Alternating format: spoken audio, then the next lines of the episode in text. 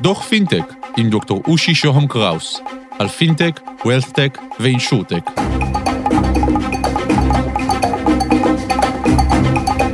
דוח מספר 41, להרזות את הבנקים. שלום, כאן דוקטור אושי שוהם קראוס, ברוכים הבאים לדוח פינטק, פודקאסט בנושא פיננסים, ביטוח, בנקאות וניהול הון דיגיטליים חדשים. הפודקאסט הזה יהיה דחוס וענייני, אין לנו עודף זמן. והיום בדוח על שוק הון בין בנקאי. מה פלטפורמה חדשה שמרזה את הבנקים, משנה את מהות הבנקאות ויוצרת שוק הון בין בנקאי. מי? גיל מנדלזיס וחברת קפיטוליס.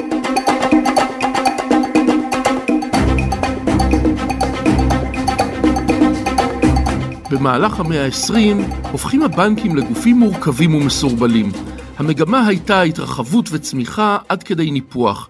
הבנקים נטו להתפשט גיאוגרפית, לצבור שטחים וסניפים ולהצמיח בקרבם עוד ועוד יכולות, תפקידים ותפקודים. בימינו נראה שרוב העבודה המתנהלת בעסק הבנקאי אינה עוד עבודת כספים מהותית, אלא אוסף תפקודי משנה תומכי בנקאות תחת קורת גג עצומה אחת. השלב הראשון של מהפכת הפינטק שינה מבנים עסקיים ברמה הטכנולוגית העליונה, מחשובם של עשרות שירותים בנקאיים, יצירת אתרים מתפקדים ואפליקציות בנקאיות הולך ומייתר חלק גדול מהסניפים. סגירת סניפים מצמצמת את המימד הנדל"ני של העסק הבנקאי ומקטינה את מצבת כוח האדם העוסקת בשירות הלקוחות. שינוי נוסף המצמצם את הפעילות הבנקאית הלא מהותית מתרחש עם המעבר לענן.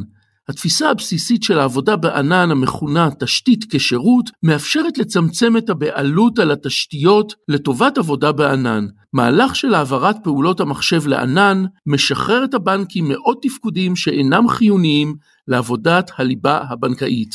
אבל עיקר השינוי מגיע בשלב השני של המהפכה הדיגיטלית. בשלב הזה נוצרים מבנים עסקיים חדשים, נולדות בריתות ונוצרים מערכי שיתופי פעולה חדשים.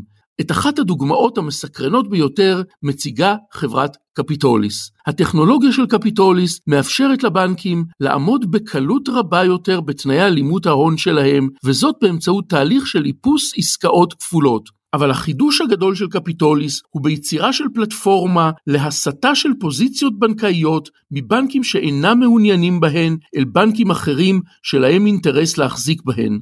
למעשה, החברה יוצרת שוק משותף בין בנקאי, שבו זז ההון הבנקאי אל המקום המתאים ביותר והכדאי ביותר להחזקה. שלום גיל מנדלזיס, מייסד ומנכ"ל קפיטוליס. בוקר טוב, כיף אה, להיות איתך, תודה שאתה לוקח את הזמן. גיל, אה, מה בעצם קפיטוליס עושה? קפיטוליס אה, פועלת בעולם אה, שוקי ההון, מה שנקרא עולם ה capital markets, שזה כל גוף שסוחר אה, יכולים לסחור אה, אה, מניות או יכולים לסחור מטבע חוץ או, או ריביות, זה לא חשוב, זה הבנקים הגדולים, hedge funds, בנקים יותר קטנים, משקיעים מוסדיים וכולי. וקפיטוליס בעצם מנסה לדמיין מחדש ועד לרמה מסוימת להמציא מחדש את איך התעשייה הזאת פועלת. מה שקרה זה שבעצם מיום שהתחילה התעשייה הזאת ועד המשבר הפיננסי של 2009, ההיגיון העסקי היה מאוד ברור בתעשייה הזאת, מבחינת המסחר, היה יתרון עצום לגודל, מבחינת, אה, ככל שאתה גדול יותר, אה, עלות ההון שלך הייתה יותר נמוכה, הייתה כמות הון בלתי מוגבלת. וצריך להבין שבכל עסקה פיננסית, גם כשאני נותן קרדיט, אני בנק ואני נותן קרדיט ללקוח, או אני סוחר איתו, תמיד יש מרכיב הוני, ולבנקים הכי גדולים היה הכי הרבה הון, והיה להם את ההון הכי זול, והם גדלו עד למצב שבו באמת הגיעו להיות too big to fail, וכשהיה המשבר הפיננסי, פתאום אה, אה, ממשלות בכל העולם היו צריכות לעשות bail-out לבנקים האלה, להציל אותם. כתוצאה מזה התכנסו כל הרגולטורים בעולם ביחד ועבדו ביחד, על מנת לשנות את כללי המשחק, ככה שאף פעם לא יהיה יותר אה, סיטואציה שבה משלמי המיסים יצטרכו להציל את הבנקים האלה.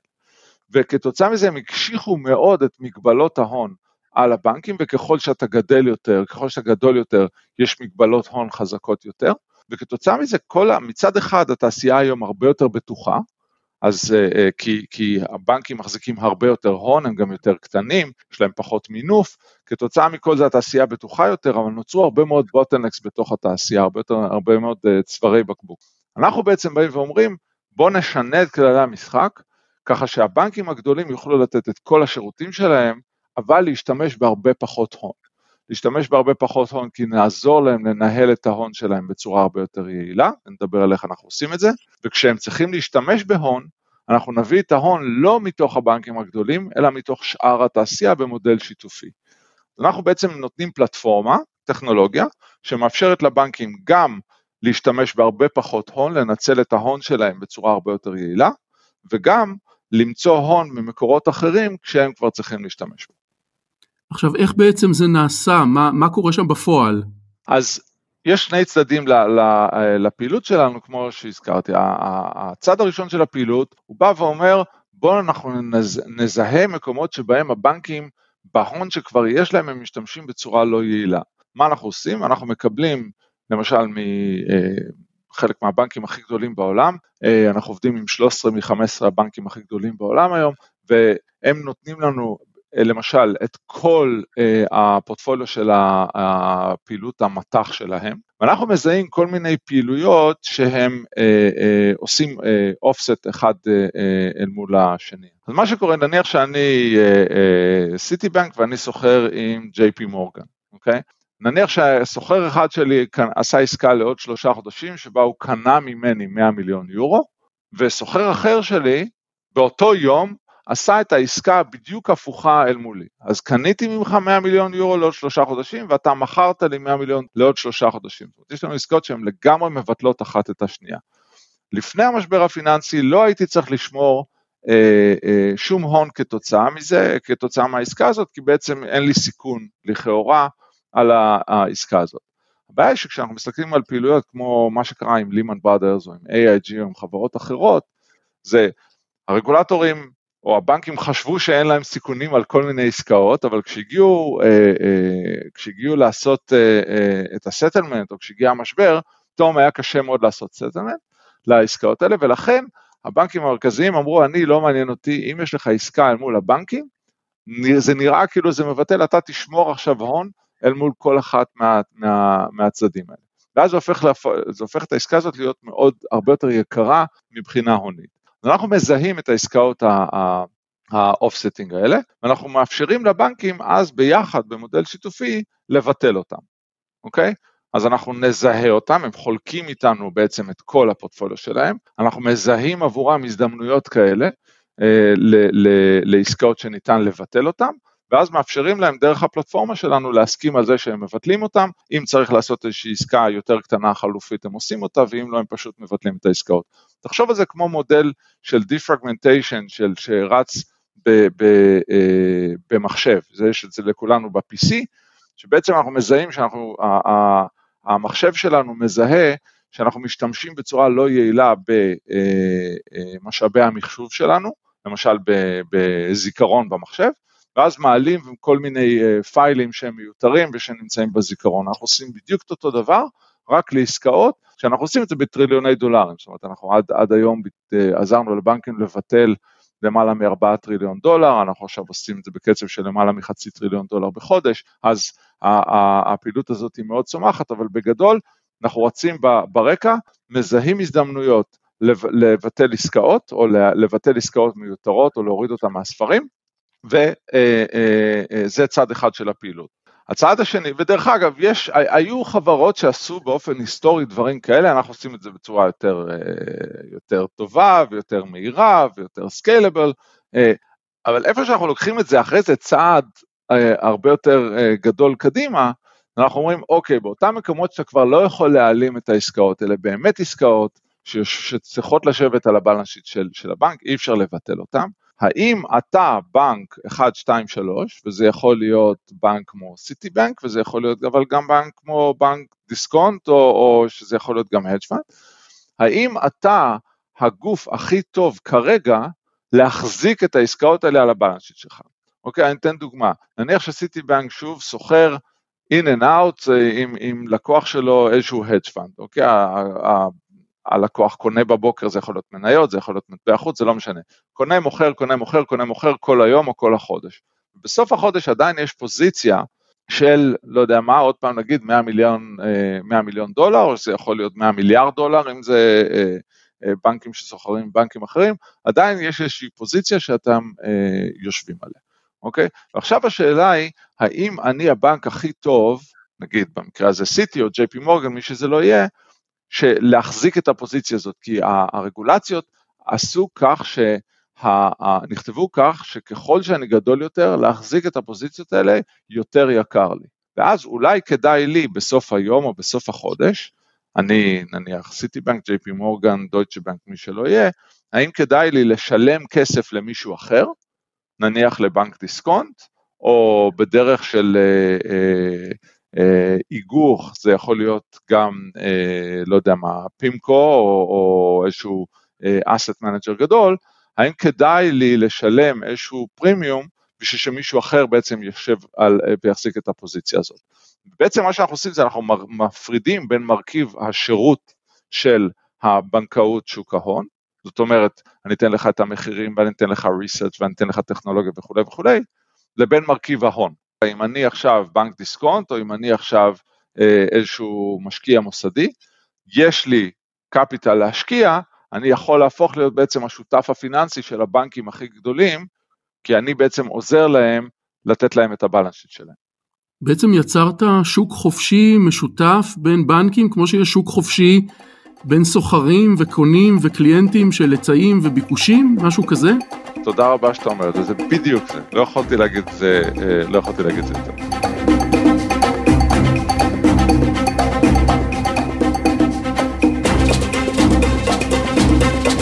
בעצם גיל, מה אתם עושים לבנקים? איך הבנקים ייראו אחרי עבודה איתכם? כן, אז ביסודו של החזון שלנו נמצא מה שאנחנו קוראים The Lean Bank, הבנק הרזה. אוקיי? אנחנו מאמינים שהעתיד של הבנקאות זה בנקים הרבה יותר רזים, שמשתמשים בפחות הון, שההון שיש להם הוא, ה-velocity שלו, רמת השימוש שבו עולה בצורה הרבה יותר אה, גבוהה, והיא הרבה יותר מושכלת. אז הבנקים הופכים להיות הרבה יותר רזים, הם מחזקים מאוד את הרמה השירותית שלהם, הופכים להיות בעצם פלטפורמות לשירותי הלקוחות שלהם, בראש ובראשונה, אוקיי? הם נותנים לבנקים שלהם את ה pricing הכי טוב, וטכנולוגיה, והם יודעים לתת להם קרדיט, והם יודעים לתת ללקוחות שלהם את כל המטריה הרגולטורית ו compliance וכולי וכולי.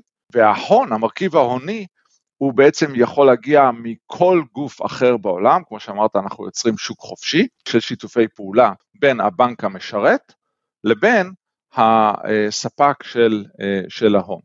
וכתוצאה מזה, הבנקים יכולים לגדול תוך כדי שהם מקטינים את, ה, את הסיכון שלהם לתעשייה כולה. זאת אומרת, מצד אחד הם יכולים מאוד לגדול, ולגדול בצורה רווחית עם תשואה על ההון, עם תשואה מאוד גבוהה על ההון, ומצד שני הסיכון עבור כולנו שאנחנו נצטרך לעשות bail-out לאחד הבנקים האלה, בין אם זה בארצות הברית או באירופה או, או, או בכל מקום שלא יהיה, פוחת בצורה משמעותית. גיל, אתה בחרת להגיד uh, בנק מקבל מימון או בנק מקבל הון מספק, לא אמרת בנק מקבל הון מבנק, בכוונה. כן, כי ה, ה, זה יכול להיות מבנקים אחרים, ואנחנו עושים את זה היום, אה, אה, אנחנו, מרבית המימון שאנחנו נותנים לבנקים אה, היום, הוא בנקים שמגיע מבנקים אחרים, אבל לאחרונה גם עלינו להעביר עם פתרון איגוך, שבו חלק מה-asset managers, המשקיעים המוסדיים הכי גדולים בעולם, עכשיו נותנים פתרונות פיננסיים או נותנים מימון לבנקים מאוד גדולים. הרעיון שלנו, אנחנו פעילים רק בעולם המוסדי, אנחנו לא פועלים בעולם הריטל, אבל הרעיון שלנו הוא שכל גוף שיש לו, שהוא מנהל cash, שהוא מנהל כספים, שהוא מנהל הון, עכשיו יהיה לו אפיקי השקעה חדשים שהם להיות שותפים פיננסיים של הבנקים הגדולים, אנחנו מדברים על טריליוני דולרים של הזדמנויות אה, השקעה עבור מנהלי כספים, שהם לא היו חשופים ולא היו פתוחים להם עד עכשיו. אוקיי, אז ה, ה, ה, אם אתה חושב על, על בנק כמו מורגן סטנלי, גולדמן סאק, סיטי ואחרים, עד עכשיו כשהם שירתו את הלקוחות שלהם, הם היו בגדול הספק הבלעדי לא רק של השירות, אבל גם של מרכיב ההון שקשור ל, ל, אה, לשירות הזה, אוקיי? אם, אם, אם שחקן מט"ח היה סוחר עם סיטי בנק, סיטי בנק היו בעצם הספק הבלעדי, כשהם שכרו עם סיטי בנק הם היו הספק הבלעדי של מרכיב ההון. מחר אנחנו נאפשר לאנשים אחרים, לכל מישהו שיש לו, כל מישהו שיש לו הון ויכול להתעניין, להיות שותף ההון של סיטי בנק בהקשר הזה. אז לכן זה לא מוגבל רק לבנקים אחרים שיהיו שותפים של, אה, של הבנקים, זה בסופו של דבר, כבר היום התחלנו לאפשר לכל משקיע מוסדי אה, להיות, לשחק בתוך השוק הזה. גיל, מה מרוויח בנק גדול בסדר גודל ישראלי מאחד הבנקים הגדולים שלנו בקשר עם מורגן סטנלי? אז יש לזה, אה, יש לזה, יש לזה הרבה מרכיבים, תלוי, אנחנו מדברים על, על המוצר הראשון או השני שלנו? אה, כן, אנחנו מדברים על המוצר השני. כן, אז אנחנו מדברים על מוצר המימון שלנו. אז תראה, מורגן סטנלי כדוגמה, כן, זה בנק עם יכולות, אה, עם יכולות פנומנליות בתחומים מסוימים. למשל, דוגמה אחת זה, יש להם מוצר שנקרא Equity Prime Brokerage, שבו הם משרתים את ה-hedge funds הכי גדולים שסוחרים ב-equities בעולם. מורגן סטנלי, אני לא אה, מכיר את המספרים המדויקים, אבל אני מניח שבמהלך השנים הם השקיעו עשרות מיליארדי דולרים בלבנות את הטכנולוגיה של המוצר הזה, של השירות הזה, אני מאמין שהם הכי גדולים בעולם. אין לשחקנים מעבר ל-top 10 או top 20 אה, הגדולים בעולם, אין להם שום יכולת לשחק בעולם ה-equity prime brokerage, אוקיי? למורגן סטנלי יש טכנולוגיה, יש להם את ה-connectivity, יש להם לקוחות, יש להם כמות לקוחות בלתי מוגבלת וכולי וכולי. כל בנק אחר בעולם, בנק אוסטרלי או בנק קנדי, יכול להסתכל עם הרבה מאוד, אה, אה, יכול להסתכל על, על הסגמנט הזה או על השוק הזה ולהגיד שזה שוק נפלא והוא מבין את הסיכון, אבל אין לו דרך לשחק בהם. בעקבות הפתרון שלנו, מחר בנק ישראלי גדול פתאום יכול להפוך להיות השותף, יכול להתחיל לשחק אה, בעצם בתוך השוק הזה, דרך הפתרון שלנו שמאפשר לו להיות שותף של מורגן סטנלי לצורך המימון של מרכיב ההון של התעשייה הזאת, אוקיי? או של, ה, אה, של השוק הזה. אז אנחנו פותחים בעצם הזדמנויות עצומות, וכל סגמנט שאנחנו מתעסקים פה זה, אנחנו מדברים על טריליוני דולרים של opportunities, אה, ובוודאי שהרבה מאוד מיליארדי דולרים של הזדמנויות השקעה שלא קיימות היום, לבנקים שיכולים להבין את הסיכון הזה, שהם רוצים חשיפה אה, לסוג הסיכון הזה, וההחזרים הם יותר טובים מאשר אה, החזרים חלופיים, וכל ההזדמנויות השקעה האלה הן פשוט לא קיימות היום עבור, עבור הבנקים האלה. זה נכון אותו דבר לגבי אה, להיות שותפים בהלוואות למגזרים מסוימים של הלקוחות הגדולים, לבנקים הגדולים בעולם, יש, אה, אה, הם משרתים לקוחות מאוד גדולים, של בנק דיסקונט או לבנק הפועלים, היום אין בהכרח נגישות אליהם, ועכשיו הם יכולים להיות שותפים בתיקי ההשקעות האלה וכולי וכולי וכולי. אז אנחנו פותחים בעצם הזדמנויות עצומות עבורם להשתתף בפעילויות שלא פתוחות עבורם. מצד שני, זה עובד גם בדיוק אה, לצד השני, לבנק ישראלי היום יש אה, אה, הזדמנויות נהדרות בישראל שהם מזהים, יש להם את ה-relationships, יש להם את, ה, את ההיסטוריה וכולי וכולי, אבל גם להם מבחינת אלימות ההון, כמה כסף הם צריכים לשמור אל מול זה, גם הם נתקלים במגבלות הון כשהם משרתים את הלקוחות שלהם, ושוב, איפה שהם ייתקלו במגבלות או בקשיים, אנחנו יודעים למצוא מימון, או אנחנו יודעים למצוא שותפים הוניים אה, עבורם גם. אז קצת כמו אובר, שבו אתה גם יכול, מצד אחד אתה יכול לקחת אובר, אבל אה, אה, אתה גם יכול להיות נהג אובר באותו זמן, או אני יכול להיות ב-Airbnb, יכול להיות, אני יכול להשכיר את הדירה שלי, ואז אה, לנסוע ולשכור דירה במקום אחר. אותו דבר, כל בנק יכול להיות מצד אחד משתתף בהלוואות ויהיה להם הזדמנויות מאוד גדולות אה, אה, להשתתף אה, בתור משקיע בעצם, ומצד שני הם גם יכולים להיות משתמש בעצמם. גיל, אתה מתאר אה, אה, מבנים חדשים ובעצם יצירה חדשה של אה, דפוסים, של התנהגות והתנהלות ובעצם של מהויות חדשות של בנקים, זה נשמע מאוד מאוד גדול, למה, למה אתה עושה את זה? אז תראה, זאת, אה, אה, זאת שאלה אה, פנטסטית שאני חייב להגיד שלפעמים בימים קשים אני, אני שואל את עצמי את אותה שאלה, אבל יש לזה כמה סיבות. אחד, זה שזאת תעשייה שהיא מאוד יקרה לי, אני מאוד אוהב את התעשייה הפיננסית, אני חושב הרבה מאוד על המבנים, על המבנה ועל החסינות של התעשייה הזאת העולמית. בסך הכל אם חושבים על, על העולם ה... העולם הקפיטליסטי, על העולם החופשי, הוא קצת תלוי בשוק חופשי, ושוק חופשי הוא מאוד תלוי באיך, אה, בחוס, בחוסן של, אה, אה, של שוק ההון, ואין שום ספק שמה שגילינו לפני עשר שנים, זה שהתעשייה הזאת היו לה מגבלות עצומות, והיא הייתה באמת על פני, על, על סכנת קריסה. בעקבות המשבר הרגולציות, שדרך אגב אנחנו מאוד תומכים בהם ואנחנו חושבים שהרגולטורים היו מאוד אמיצים, נוצר מצד אחד הבנקים הפכו להיות הרבה יותר אה, בטוחים, שזה היה נפלא, אבל מצד שני זה גרם לקשיים בנזילות, לבוטנקס, אה, זה גרם ל, אה, בעצם לרעידת אדמה מאוד גדולה במבנה של התעשייה. ואנחנו ראינו פה גם הזדמנות, אבל גם ההזדמנות היא, היא לא רק הזדמנות עסקית, אלא משהו שאנחנו חושבים שהוא מאוד חשוב, לשנות את איך, התש... איך שהתעשייה עובדת, שהיא מצד אחד תהיה גם בטוחה בדיוק כמו שהרגולטורים רצו, ומצד שני היא תוכל לצמוח, אנחנו נביא הרבה, שו, הרבה מאוד הון לתוך שוק ההון, נוריד את העלויות ונפזר את הסיכון. אז מבחינתנו קודם כל יש משהו שהוא מאוד חשוב, מה שאנחנו מאוד passionate לגביו, לעשות את התעשייה הזאת להרבה יותר טובה, צומחת ורובסט. אה, דבר ראשון. דבר שני, תראה, אני יזם, אה, אה, אני יזם פינטק כבר 20 שנה, והאמת היא שאחרי שנרכשה החברה הקודמת שלי, הייתה לי עבודה מאוד טובה בחברה הרוכשת, אבל כשראיתי שינוי כל כך גדול, והזדמנות כל כך מרגשת, שדרך אגב קרתה, אני ראיתי את זה בזמן שגם קרה אובר, ובזמן שגם קרה Airbnb, ובזמן שכל הכלכלה השיתופית התחילה לצמוח בעולם בצורה דרמטית.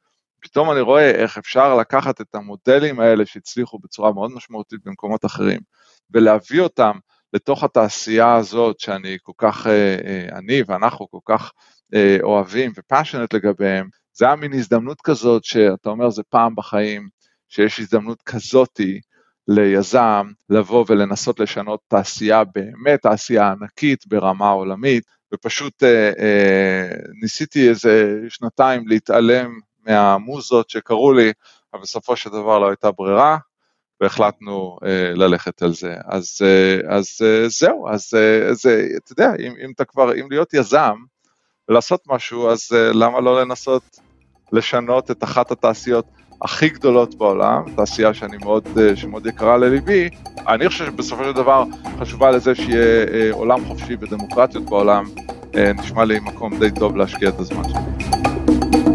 גיל מנדלזיס, מייסד ומנכ"ל קפיטוליס, תודה שהיית איתנו. תודה לך, יהיה לך יום טוב. אני מרצה ומייעץ בתכני הפודקאסטים, תוכלו להשיג אותי באושי את אושי.co.il, תוכלו לשלוח לי וואטסאפ ב-050-8898-322 או לפנות אליי בלינקדאין, דוקטור אושי שוהם קראוס באנגלית. תודה לקווין מקלוד על המוזיקה, תודה לרון טוביה עורך הפודקאסטים של גלובס, להתראות בדוח הבא.